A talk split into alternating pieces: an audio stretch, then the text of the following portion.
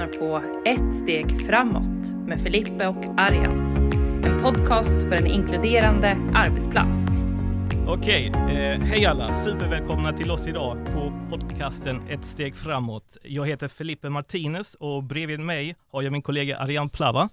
Hej, Ariane Plava här och vi är väldigt, väldigt glada idag för vi har ett avsnitt som handlar om mångfald och vi har fantastiska gäster med oss så jag tänker jag går direkt in och presenterar. Vi börjar med Alexandra Pascalido, vi går över till Matilda och har vi Fadi också från Malmö. Vad heter de i efternamn då? Ja, vad heter de Fadi? Barakat. och sen så har vi Matilda Bergqvist. Tack. Yes, eh, idag så kommer vi eh, försöka vrida och vända på ordet mångfald. Vi kommer att diskutera utmaningar, höra på erfarenheter och framförallt diskutera vinsten med mångfald och ta med oss tips hur vi kan arbeta vidare för en mer inkluderande arbetsplats. Så vi ser fram emot detta samtal med alla er. Yes, och jag tycker vi kör med första frågan. Och den tänker jag ställa till dig Matilda. Vad betyder och vad innebär mångfald för dig? När du hör ordet eller läser ordet mångfald? Eh, mångfald för mig betyder, det är motsatsen till enfald. Det betyder att det finns en blandning av eh, olikheter i en grupp med människor. Synliga, osynliga olikheter. Eh, det kan vara våra olika identiteter. Men det kan också vara oli olika perspektiv, kunskaper, erfarenheter och så vidare. Det vi har med oss i en grupp eller i en organisation eller i ett samhälle. Tack. Vi går vidare till samma fråga. Alexandra, kort.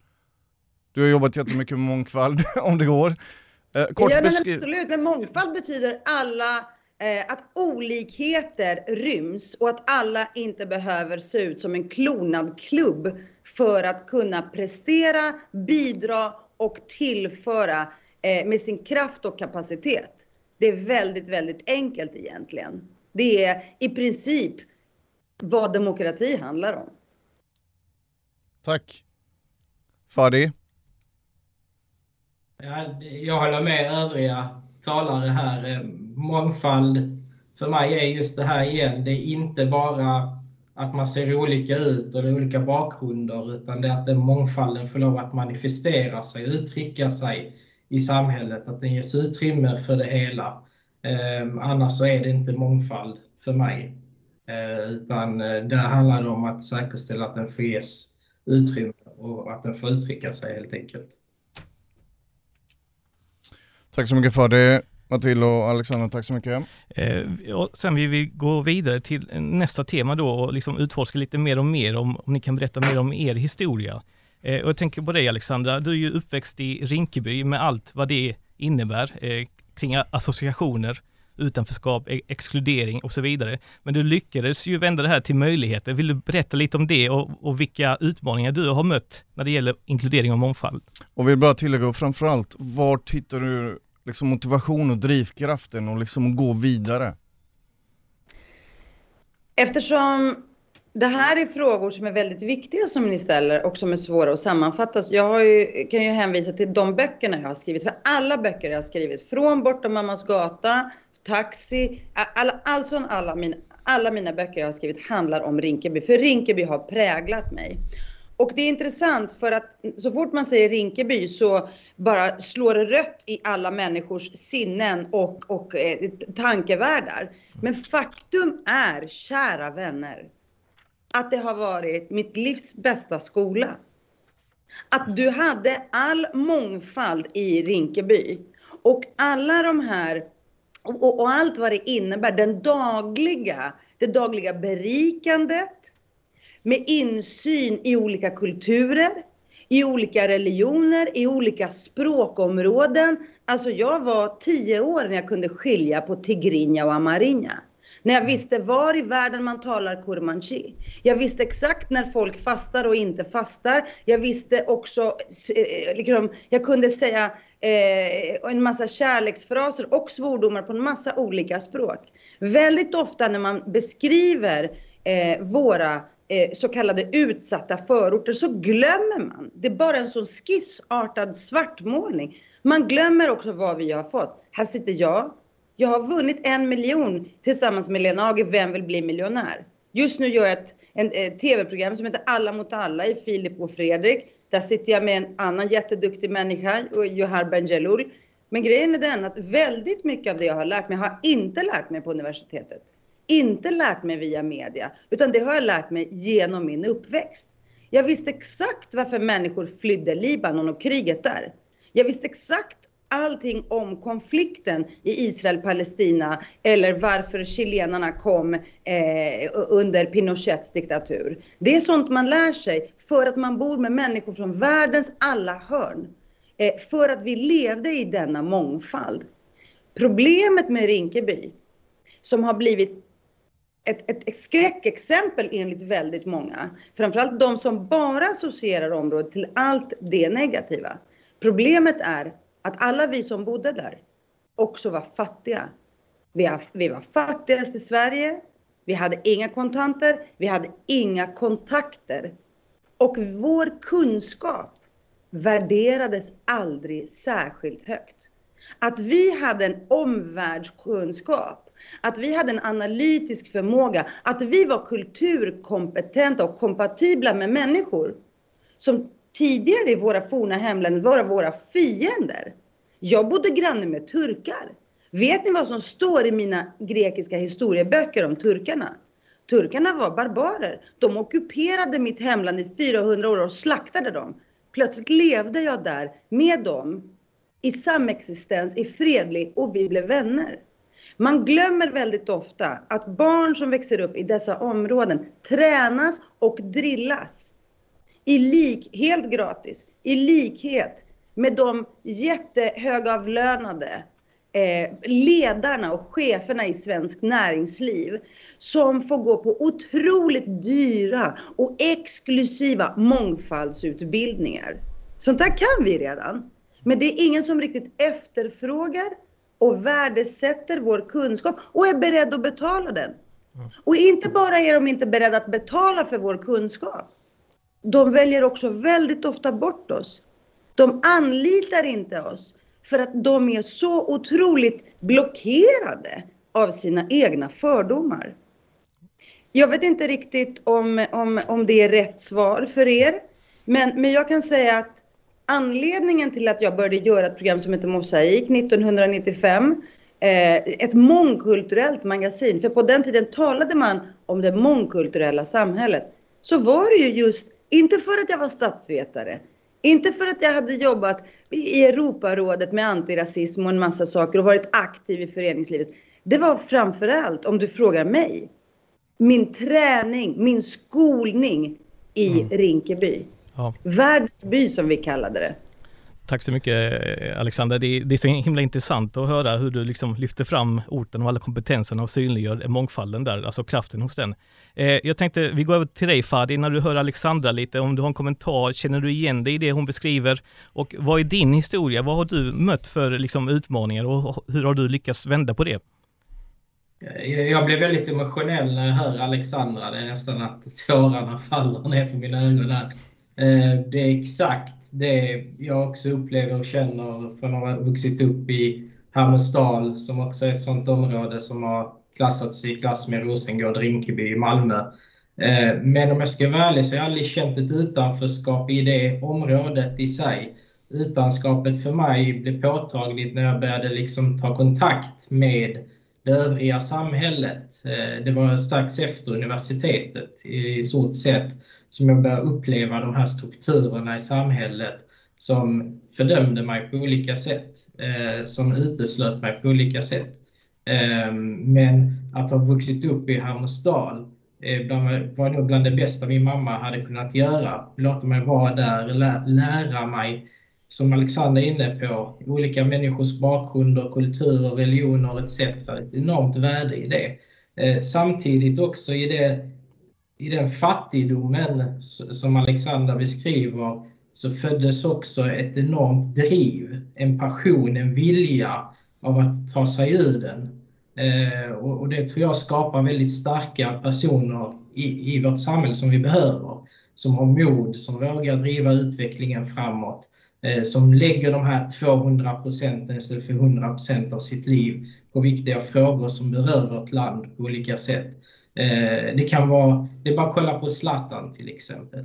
Det, hade inte han vuxit upp i det området så tror jag inte han hade varit lika bra fotbollsspelare. Han har säkert varit framgångsrik på många sätt, men han hade inte haft den drivkraften som han har idag. Jag brukar säga, vad är det som driver mig till att göra det jag gör idag? Jag brukar säga, jag har en pitbull som jagar mig. Jag känner att jag har inget val om jag vill jobba med detta eller skapa förändring eller inte. Eh, jag jagas av den här pitbullen. Liksom. Eh, och det driver mig något enormt. Liksom. Eh, så att, eh, att ha vuxit upp under svåra förhållanden har ju format den och jag tror det är i motgång du formas som människa. Jag tror inte när allting är bra som du växer.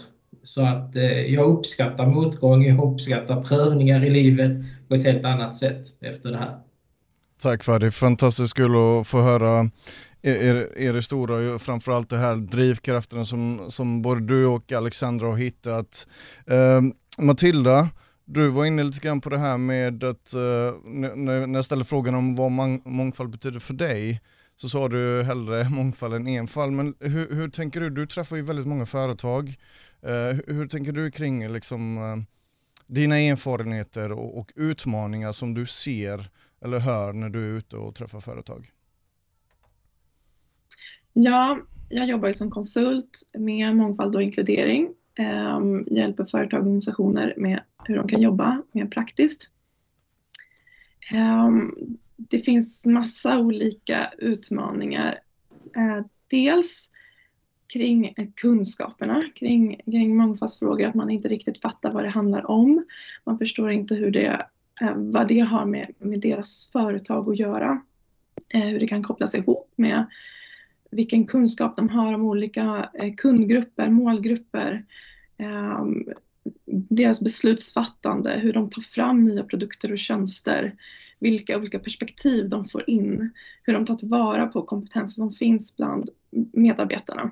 Utan man tänker ofta på eh, hur det ser ut eh, och ehm, liksom, målsättningar bara kring Eh, representativitet, vilket är viktigt, men jag brukar trycka väldigt mycket på också att man behöver mål för en inkluderande kultur.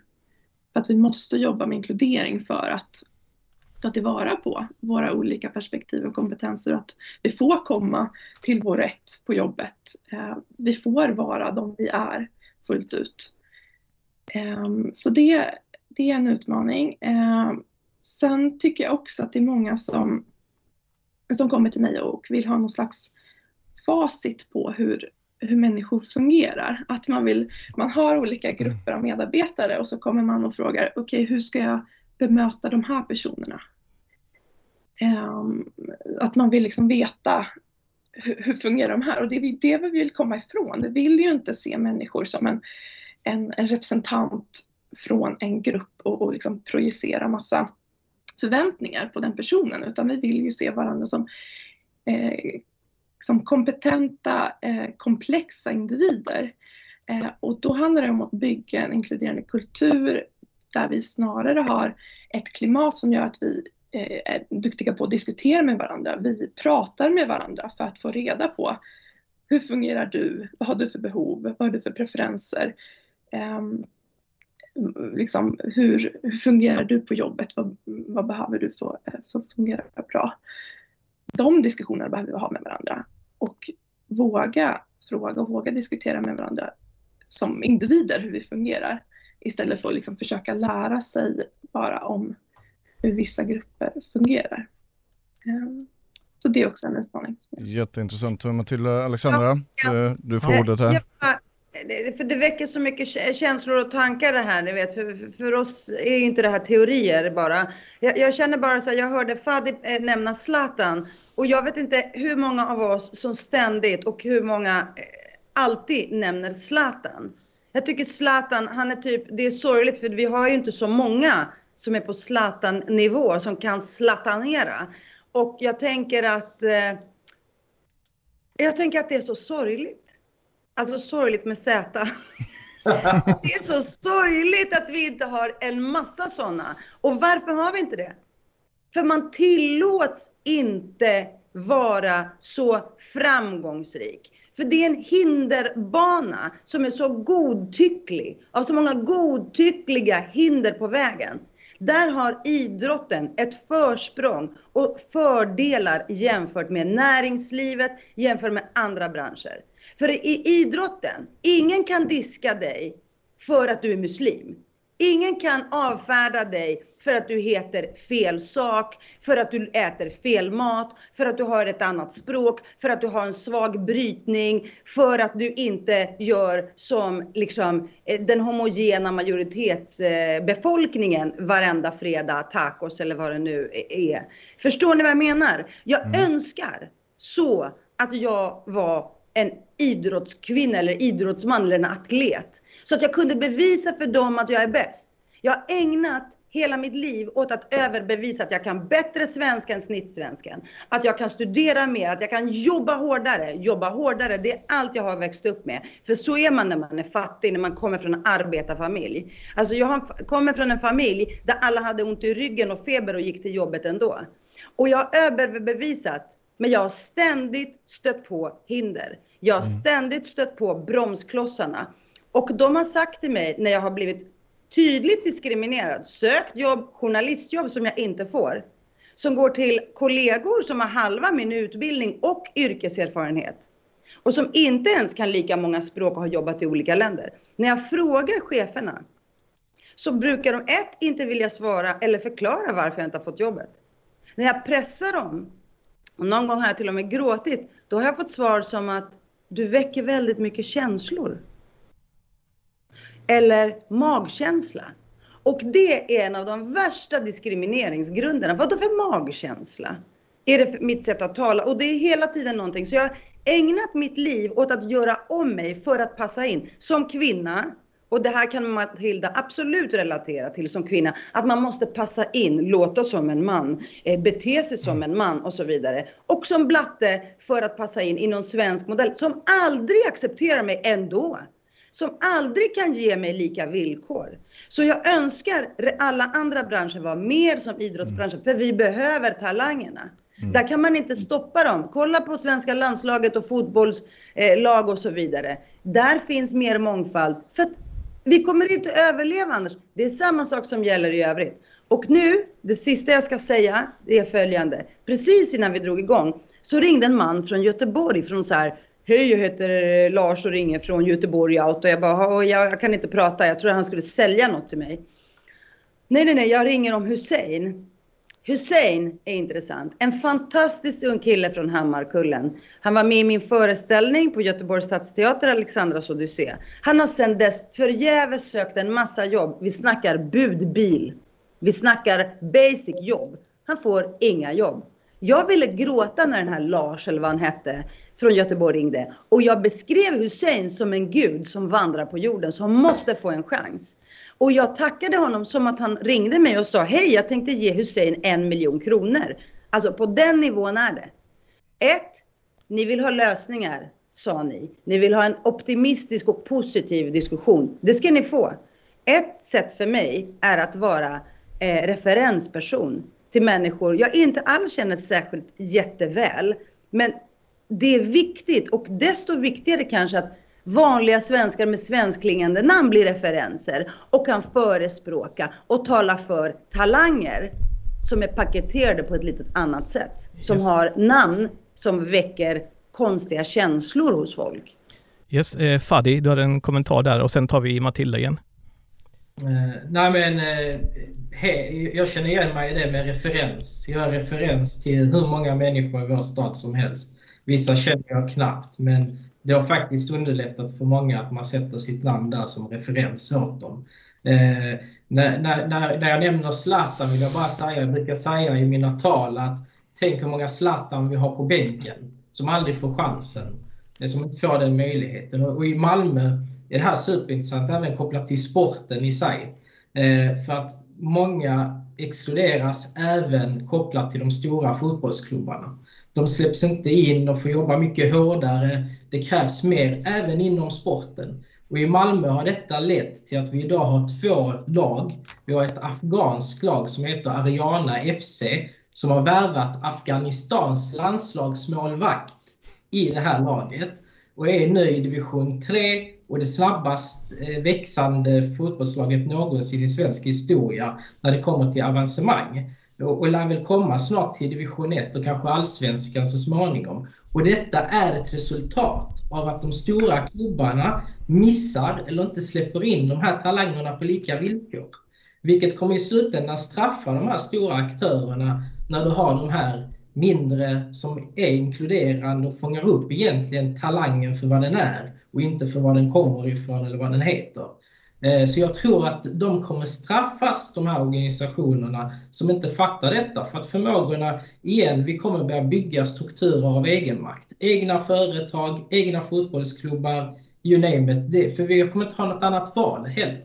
Så ur det onda kommer ju gott födas också, tror jag. Ur det dåliga kommer det goda komma fram. Eh, och sen är det tragiskt. Det är tragiskt att det är så. Men jag ser just nu inte att det finns någon annan väg framåt. Liksom. Tack Fadi. Uh, Matilda, varsågod. Mm, nej, men jag vill jättegärna knyta an till det Alexander pratade om. Eh, och, och, koppla också till, till min vardag. Jag jobbar ju mycket med, med företagsledare och, och rekryterande chefer och sådär. Eh, och, och, en stor utmaning är ju det här också med att man inte ser sin egen roll i det hela. Att man, man tror att man själv är så himla god. Jag diskriminerar ingen, jag har inga fördomar. Eh, jag går alltid på kompetens när jag rekryterar. Men vilken kompetens är det då man ser? Vilka människor ser man kompetens inom? Eh, där måste man fatta att vi människor, vi har så kallade blind spots. Vi har omedvetna fördomar. Vi tenderar alltid att eh, favorisera personer som vi känner igen oss själva i. Det känns tryggt. Eh, det känns som jag vet vad jag får. Ehm, ja, påverkas också av samhällsnormer kring vilka som, vilken, vilken typ av kompetens som är värderad i samhället.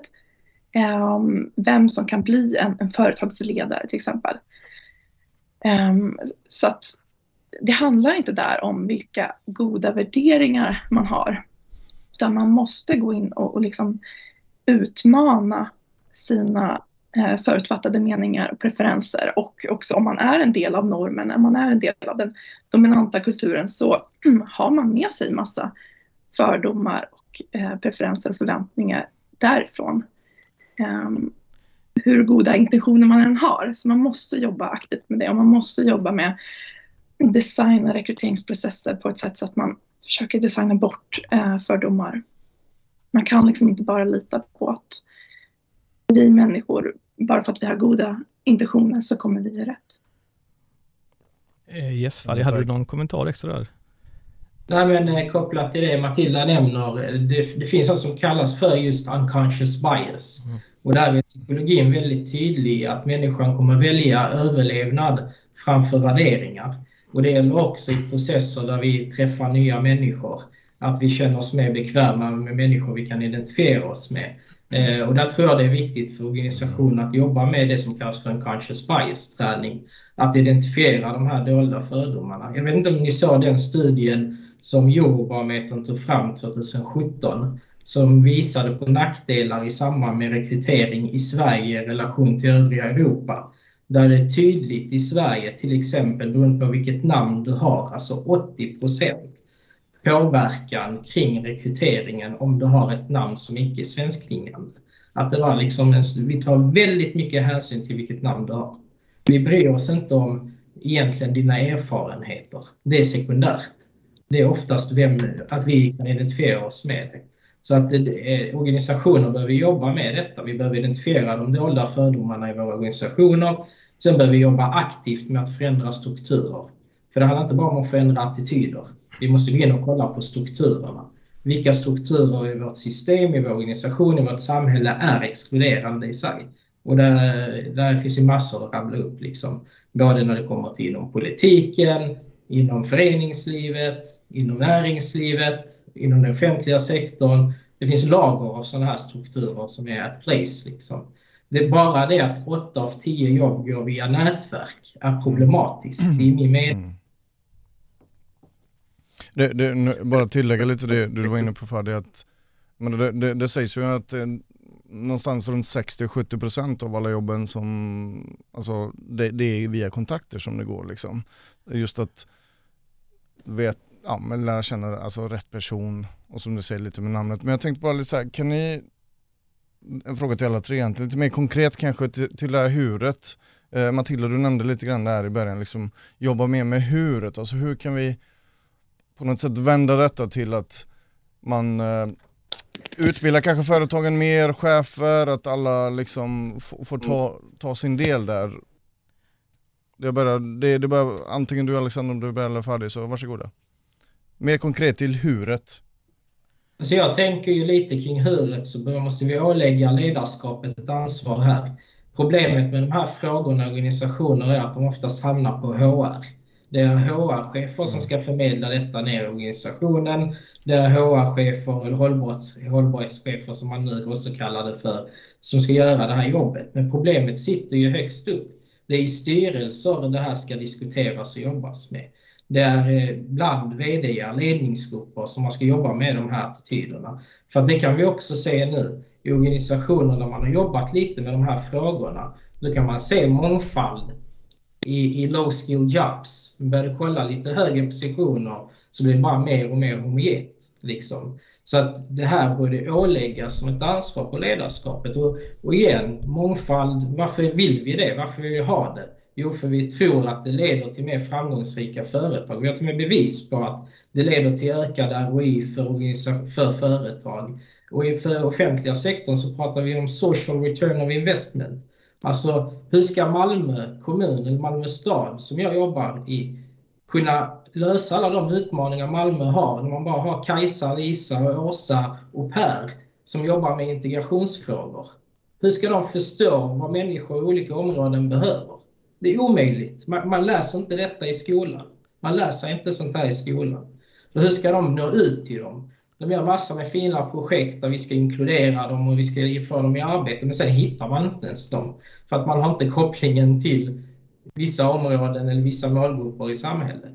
Men tänk om man hade en Faddi eller en Alexandra som känner till grekerna i Rinkeby till exempel. Mycket lättare att nå ut. Mycket lättare att vara där. Prata och förmedla och göra samarbeten etc. Så att vi, vi, behöver jobba mer med att få in mångfalden och låta den också få ges uttryck i organisationer. Det, det, det, det, är inte bara att få in mångfalden. Och i Sverige, i min mening, vi befinner oss fortfarande i ett stadie där vi inte ens har fått in mångfalden. För att vi har väldigt lång väg att gå. Vi ligger långt efter i frågan. Yes, Matilda. Ja, jag tycker också det är jätteviktigt att liksom verkligen ta reda på hur det ligger till på ens arbetsplats och organisation på riktigt. Att man inte bara gissar liksom att nej men här trivs alla och vi behandlar alla likadant utan att man faktiskt gör undersökningar på riktigt. Eh, fråga medarbetarna hur de upplever, jämföra olika medarbetargrupper.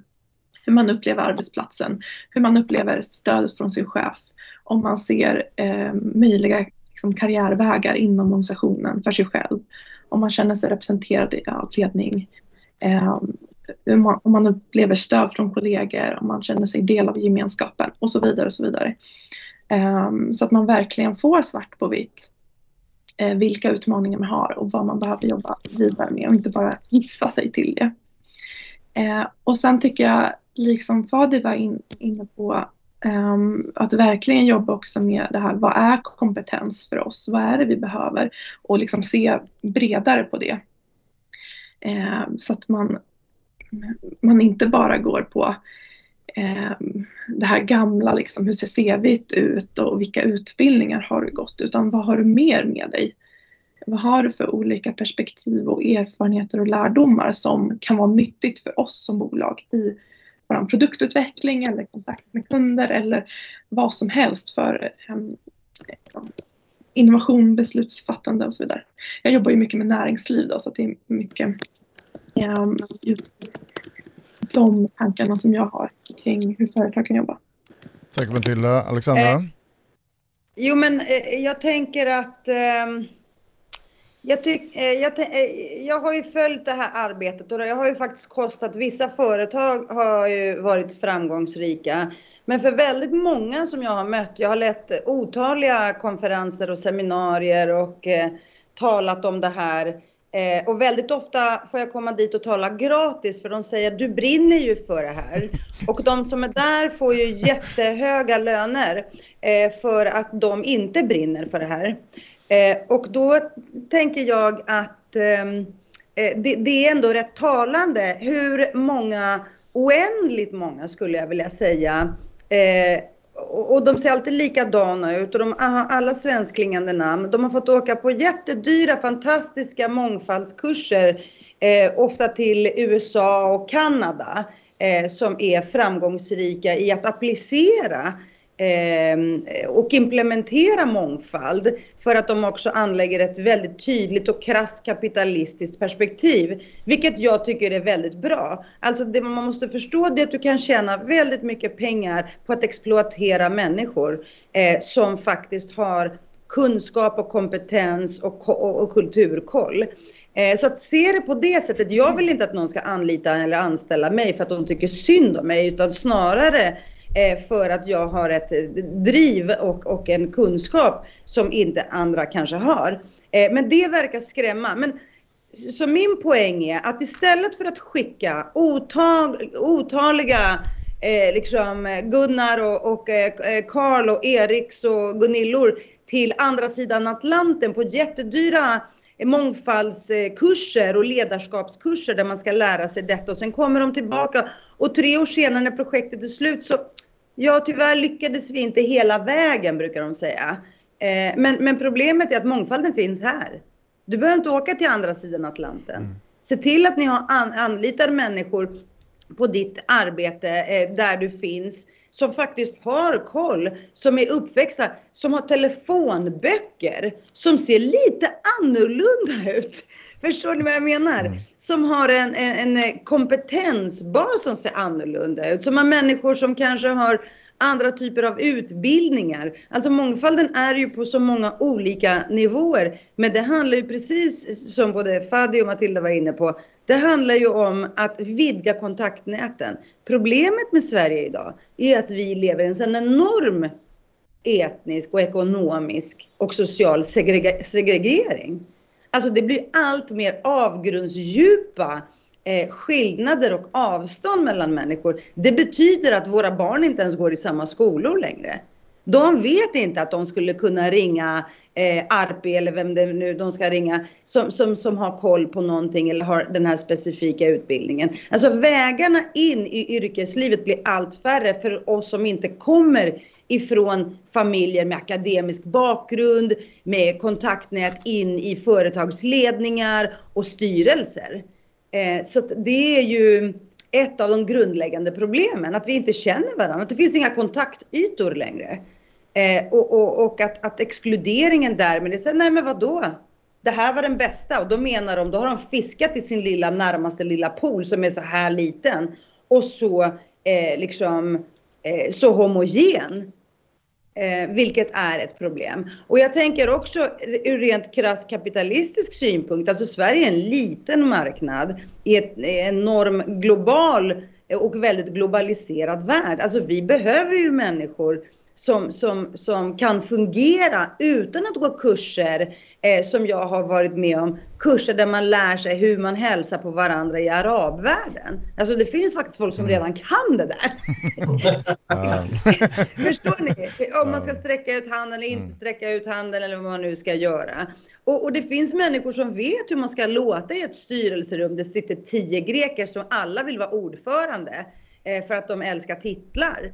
Eh, kan ni förstå vad jag menar? Så att det är liksom, eh, det, det, finns redan. Så att jag tror att huret som ni söker svar mm. på handlar om att orientera sig, att inse sina egna begränsningar som chef, boss och ledare. Inse sina egna föreställningar och fördomar om de andra.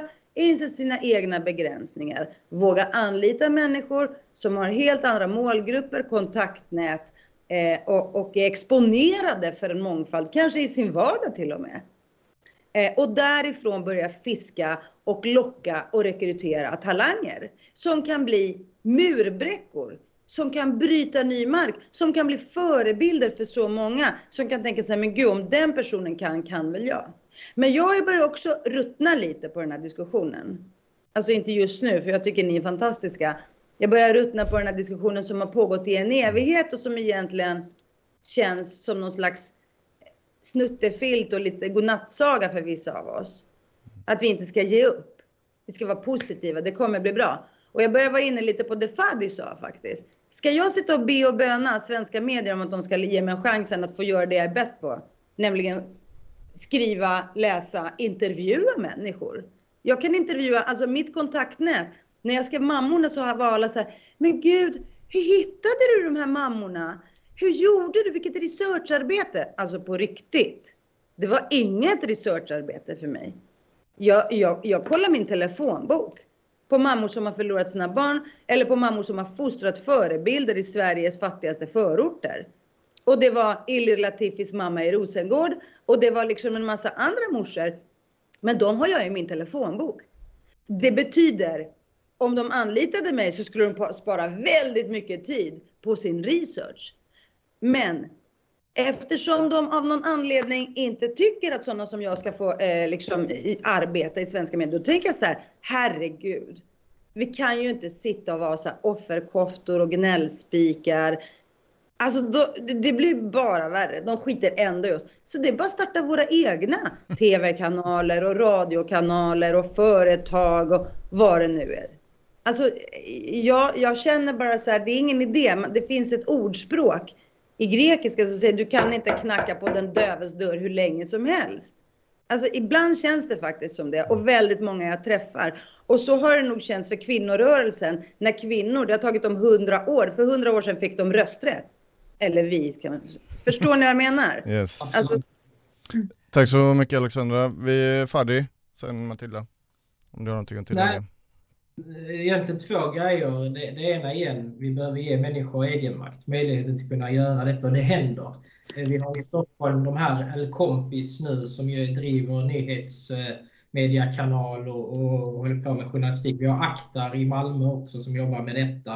Eh, om ingen tillgodoser de här människornas behov så kommer de börja göra eget. Och det är egentligen bara till lust för alla andra som inte bjöd upp till dans helt enkelt. Eh, och jag tror att det är det vi kommer se i allt större utsträckning. Eh, en fråga kopplat till det här med mångfald som jag inser är väldigt problematiskt med många människor som jobbar med frågan. Det är att man själva inte riktigt har koll på ämnet. Man går ut och utbildar företag i mångfald och inkludering och bär själv en massa eh, fördomar som man också får in och få tro, få företag att tro att de gör ett bra jobb.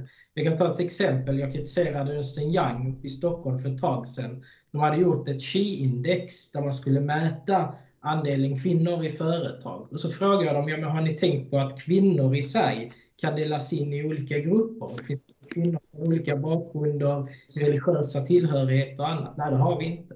Nej, och då är risken stor att företag tror att de är bra på jämställdhet när de har en homogen grupp av kvinnor.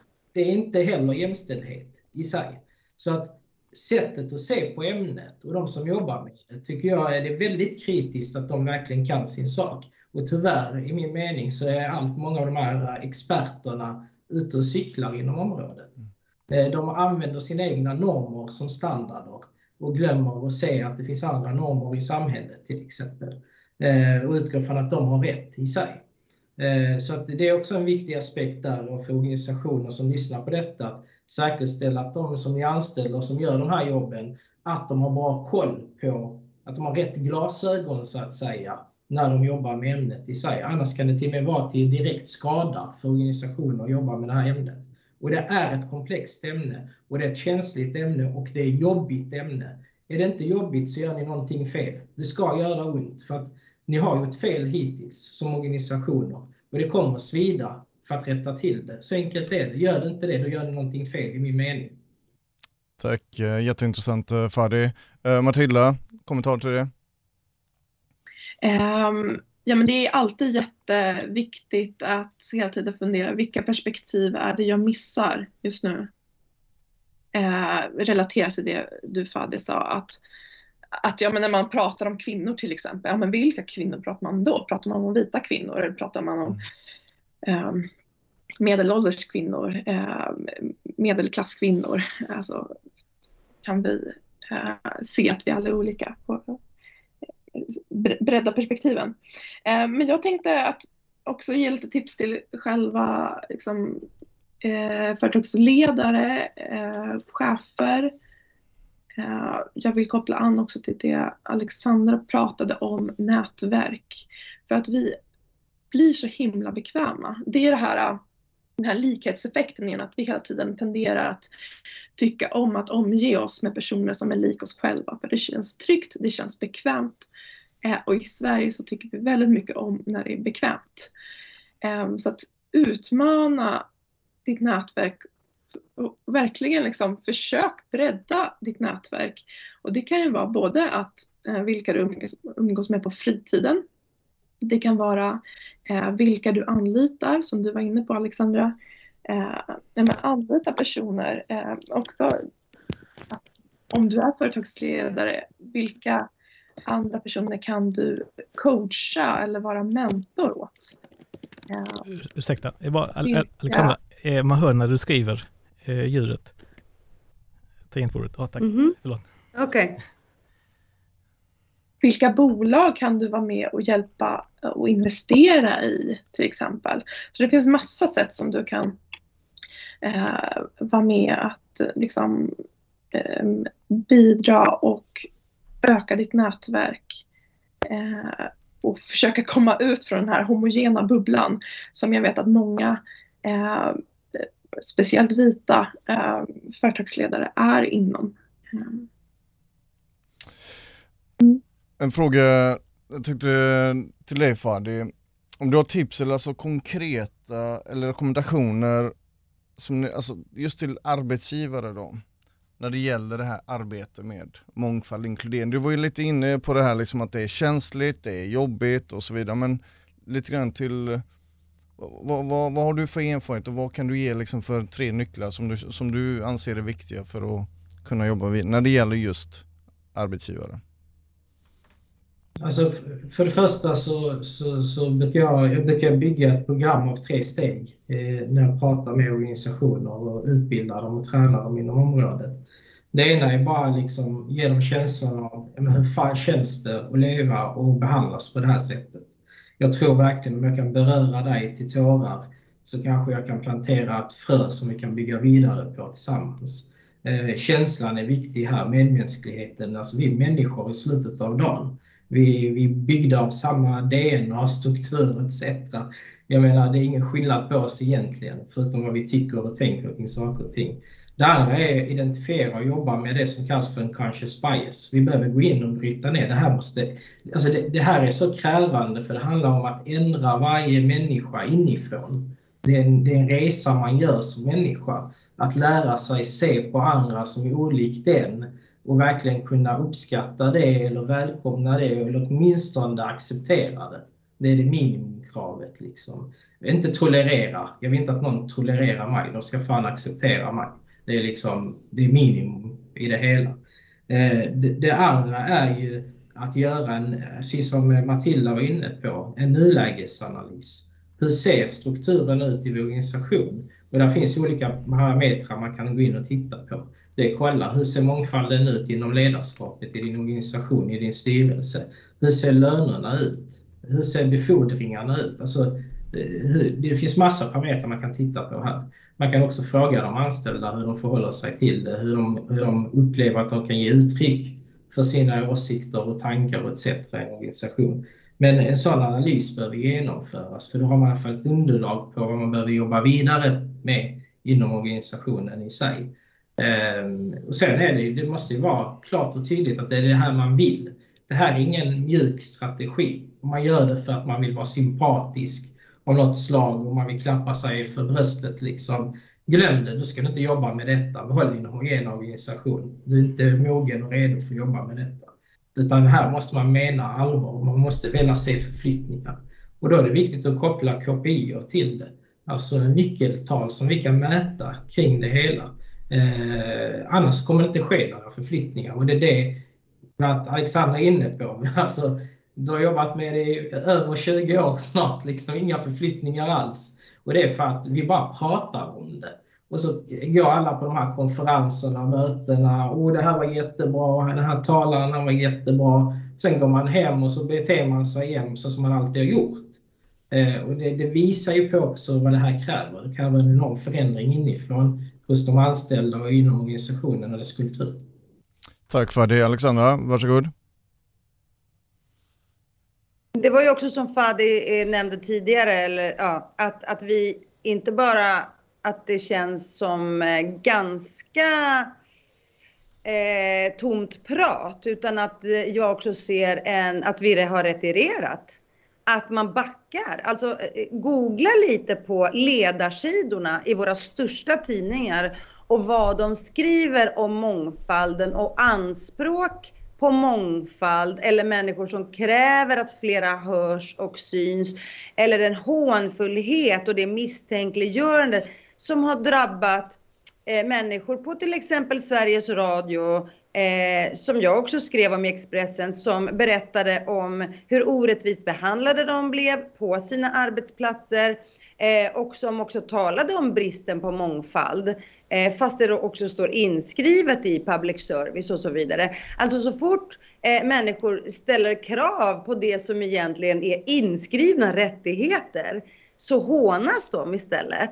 Så titta också på hur man beskriver detta, hur man har backat helt och hållet när det handlar om att, att, att, att försöka få till mer mångfald och mer att försöka spegla samhället på alla olika samhällsnivåer.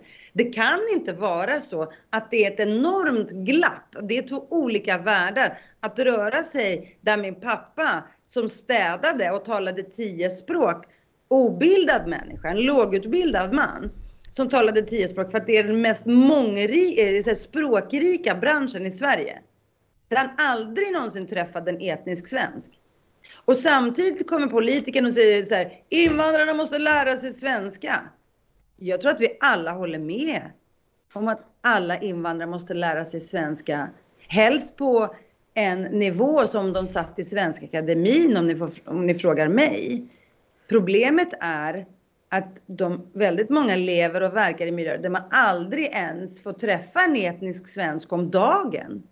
Vilket innebär språk språkbrister som konsekvens. Men vilket också innebär att man har ingen att ringa.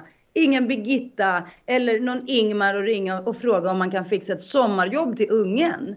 Eller en praoplats. Jag skrev om det i min bok Bortom mammas gata. Jag var bäst i Rinkebyskolan och fick den bästa praoplatsen. Och det var inte städjobb utan jag fick jobba på McDonalds. Där jag jobbade i och för sig ett helt år sedan. Men, men förstår ni problemet? Så problemet Absolut. är att jag ser att vi har backat. Eller inte vi, men jag tycker samhället, regeringen. Alltså det var länge sedan jag hörde regeringar och partiledare säga det här är ohållbart. Mm. Så här ser inte Sverige ut som det gör på toppen. Så här ser inte Sverige ut som det ser i styrelserummen. Sverige ser helt annorlunda ut på kvällar och nätter. De som städar tunnelbanor och bussar och de som liksom jobbar i hemtjänsten. De som var de som var först att dö under hela coronapandemin. För att de har de mest exponerade och mest lågavlönade jobben. De som inte har ett landställe att fly till. De som inte har ett extra rum att kunna karantäna i.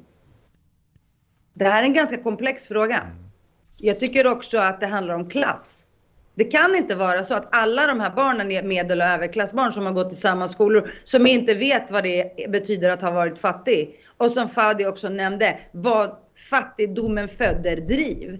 Den föder ett driv som inte heller uppskattas och inte utnyttjas. Hade jag varit chef och haft ett stort bolag, åh, oh, inshallah, det hoppas det kommer en dag när jag är jätterik. Jag kommer bara anställa människor som har varit fattiga, som vet vad det betyder att mm. kämpa för en bit bröd. Förstår ni vad jag menar? Absolut. Jätteintressant Alexandra och eh, för Fadi, kommentar, kommentarer gärna. Nej, jag vill bara krossa några myter som våra politiker använder sig av, bland annat om de nu lyssnar på det här. Eh, det ena är så här att studier visar tydligt att det räcker inte ens med att du talar svenska för att få en ärlig chans på den svenska arbetsmarknaden. Utan det, vi är på den nivån där vi bedömer hur du uttalar språket helt enkelt. Så har du en brytning så är det inte ens good enough. Så alltså är inte lösningen bara att folk ska lära sig svenska och sen kommer de in på arbetsmarknaden. Problemet är djupare än så. Det andra är alla de som kallar dessa människor som kommer från andra länder som språksvaga. Att de har språkbrister när de kan sju andra språk. Vem är egentligen språksvag i slutet av dagen? Mm. I en internationell värld som kommer bli mer och mer fokuserad på att kunna olika språk, oavsett vi vill det eller inte. Det är mot den världsordningen vi går idag. Så att jag, jag är så less på att höra de här uttrycken i samband med rekryteringar bland annat, mm. att människor är språksvaga för de inte kan svenska men de kan sju andra språk. Ehm, och bara som ett tips till alla rekryterare där ute. Alltså behöver man inte kunna svenska på er, på er arbetsplats, lägg det inte i kravprofilen. Gör inte det. Och vill ni få in mångfald, meritera flera olika språk. Ni kommer få, ni kommer gå från 100 sökande till 300 istället. Och ni vet aldrig vad det är ni missar, helt enkelt. Jag har själv sett det med egna ögon. Jag har själv gjort den tabben där jag faktiskt la svenska som ett krav och tog bort det och fick helt plötsligt tre, tre gånger fler sökande. Och det slutade med att jag anställde en person som inte kunde svenska men som var grym på det hon gjorde, helt enkelt. Vad pratade hon för språk då?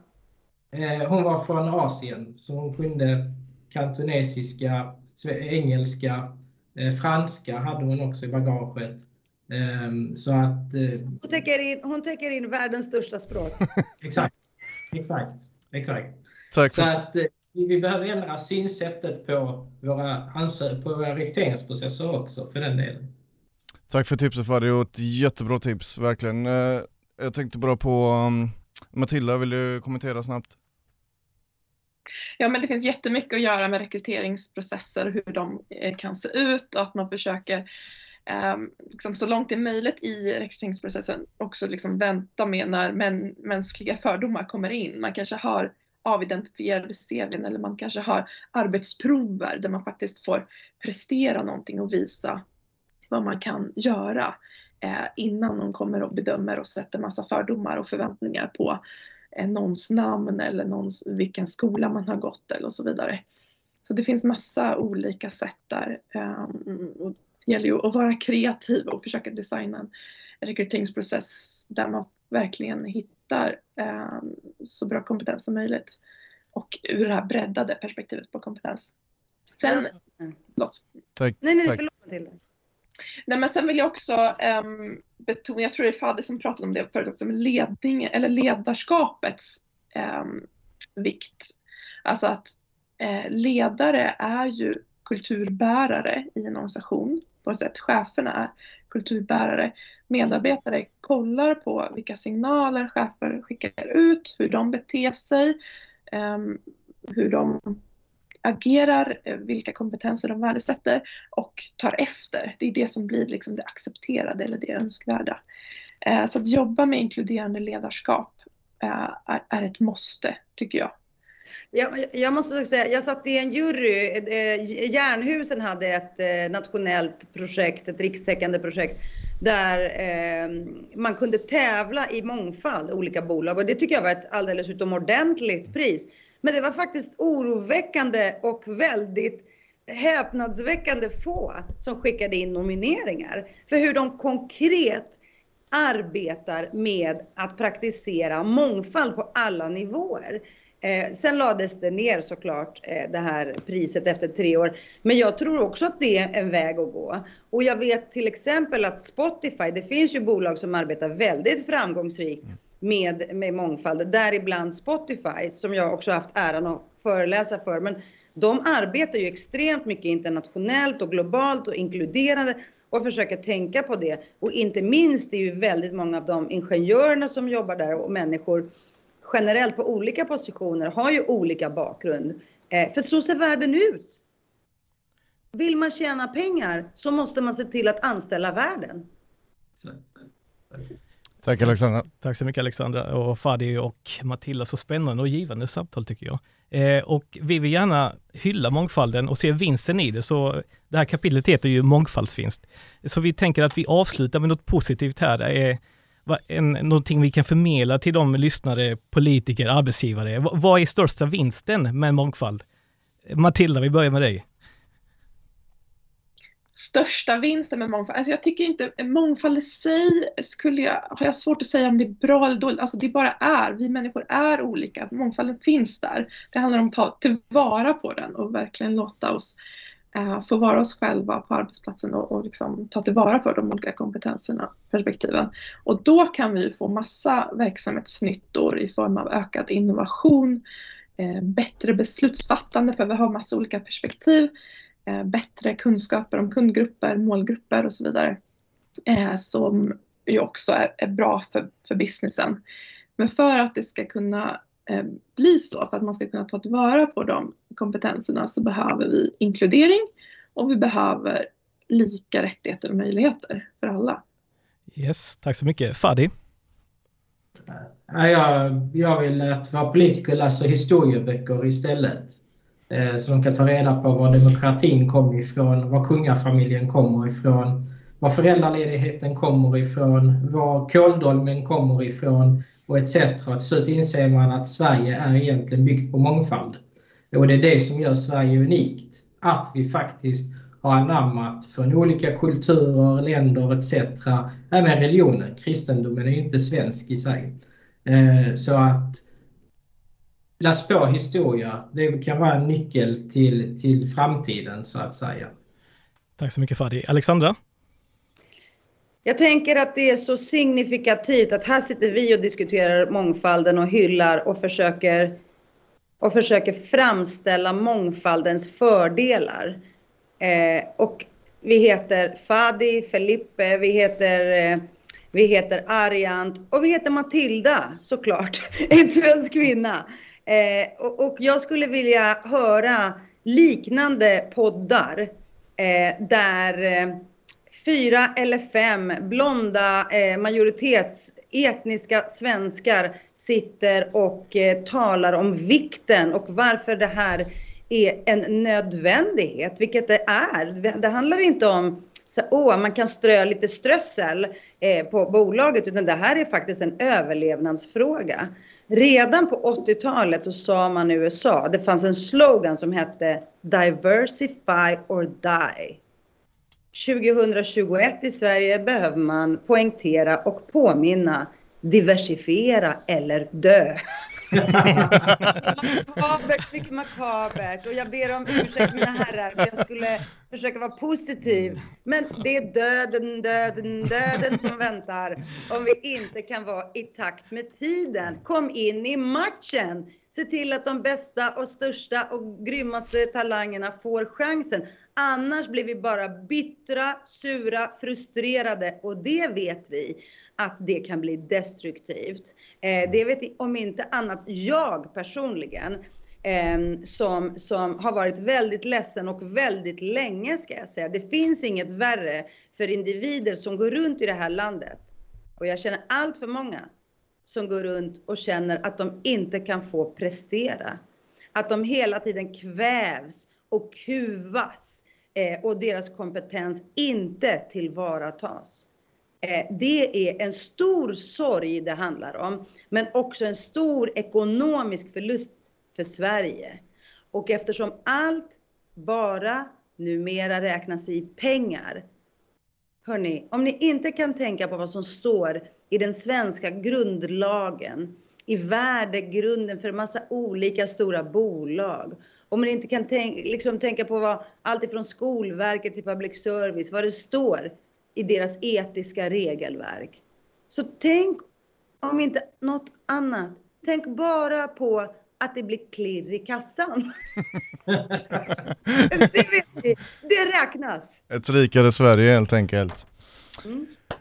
Jag, jag, ser nu att eh, klockan eh, springer iväg här. Stort tack från vår sida, så det har varit fantastiskt. Jag, jag kan säga att, eller både, både Filippa och jag här, att vi skulle kunna fortsätta prata med er en timme till och eh, era fantastiska tankar, idéer och en stor alltså inspiration helt enkelt från, från era, er vardag, er erfarenhet, era erfarenheter och kloka tankar. Så från hela mitt hjärta vill jag säga supertack att ni har varit med idag och ni är fantastiska och fortsätt med det fantastiska jobbet ni gör. Och stort lycka till från vår sida och ännu en gång från hela hjärtat tusen tusen tack. Tusen tack Fadi, Matilda och Alexandra.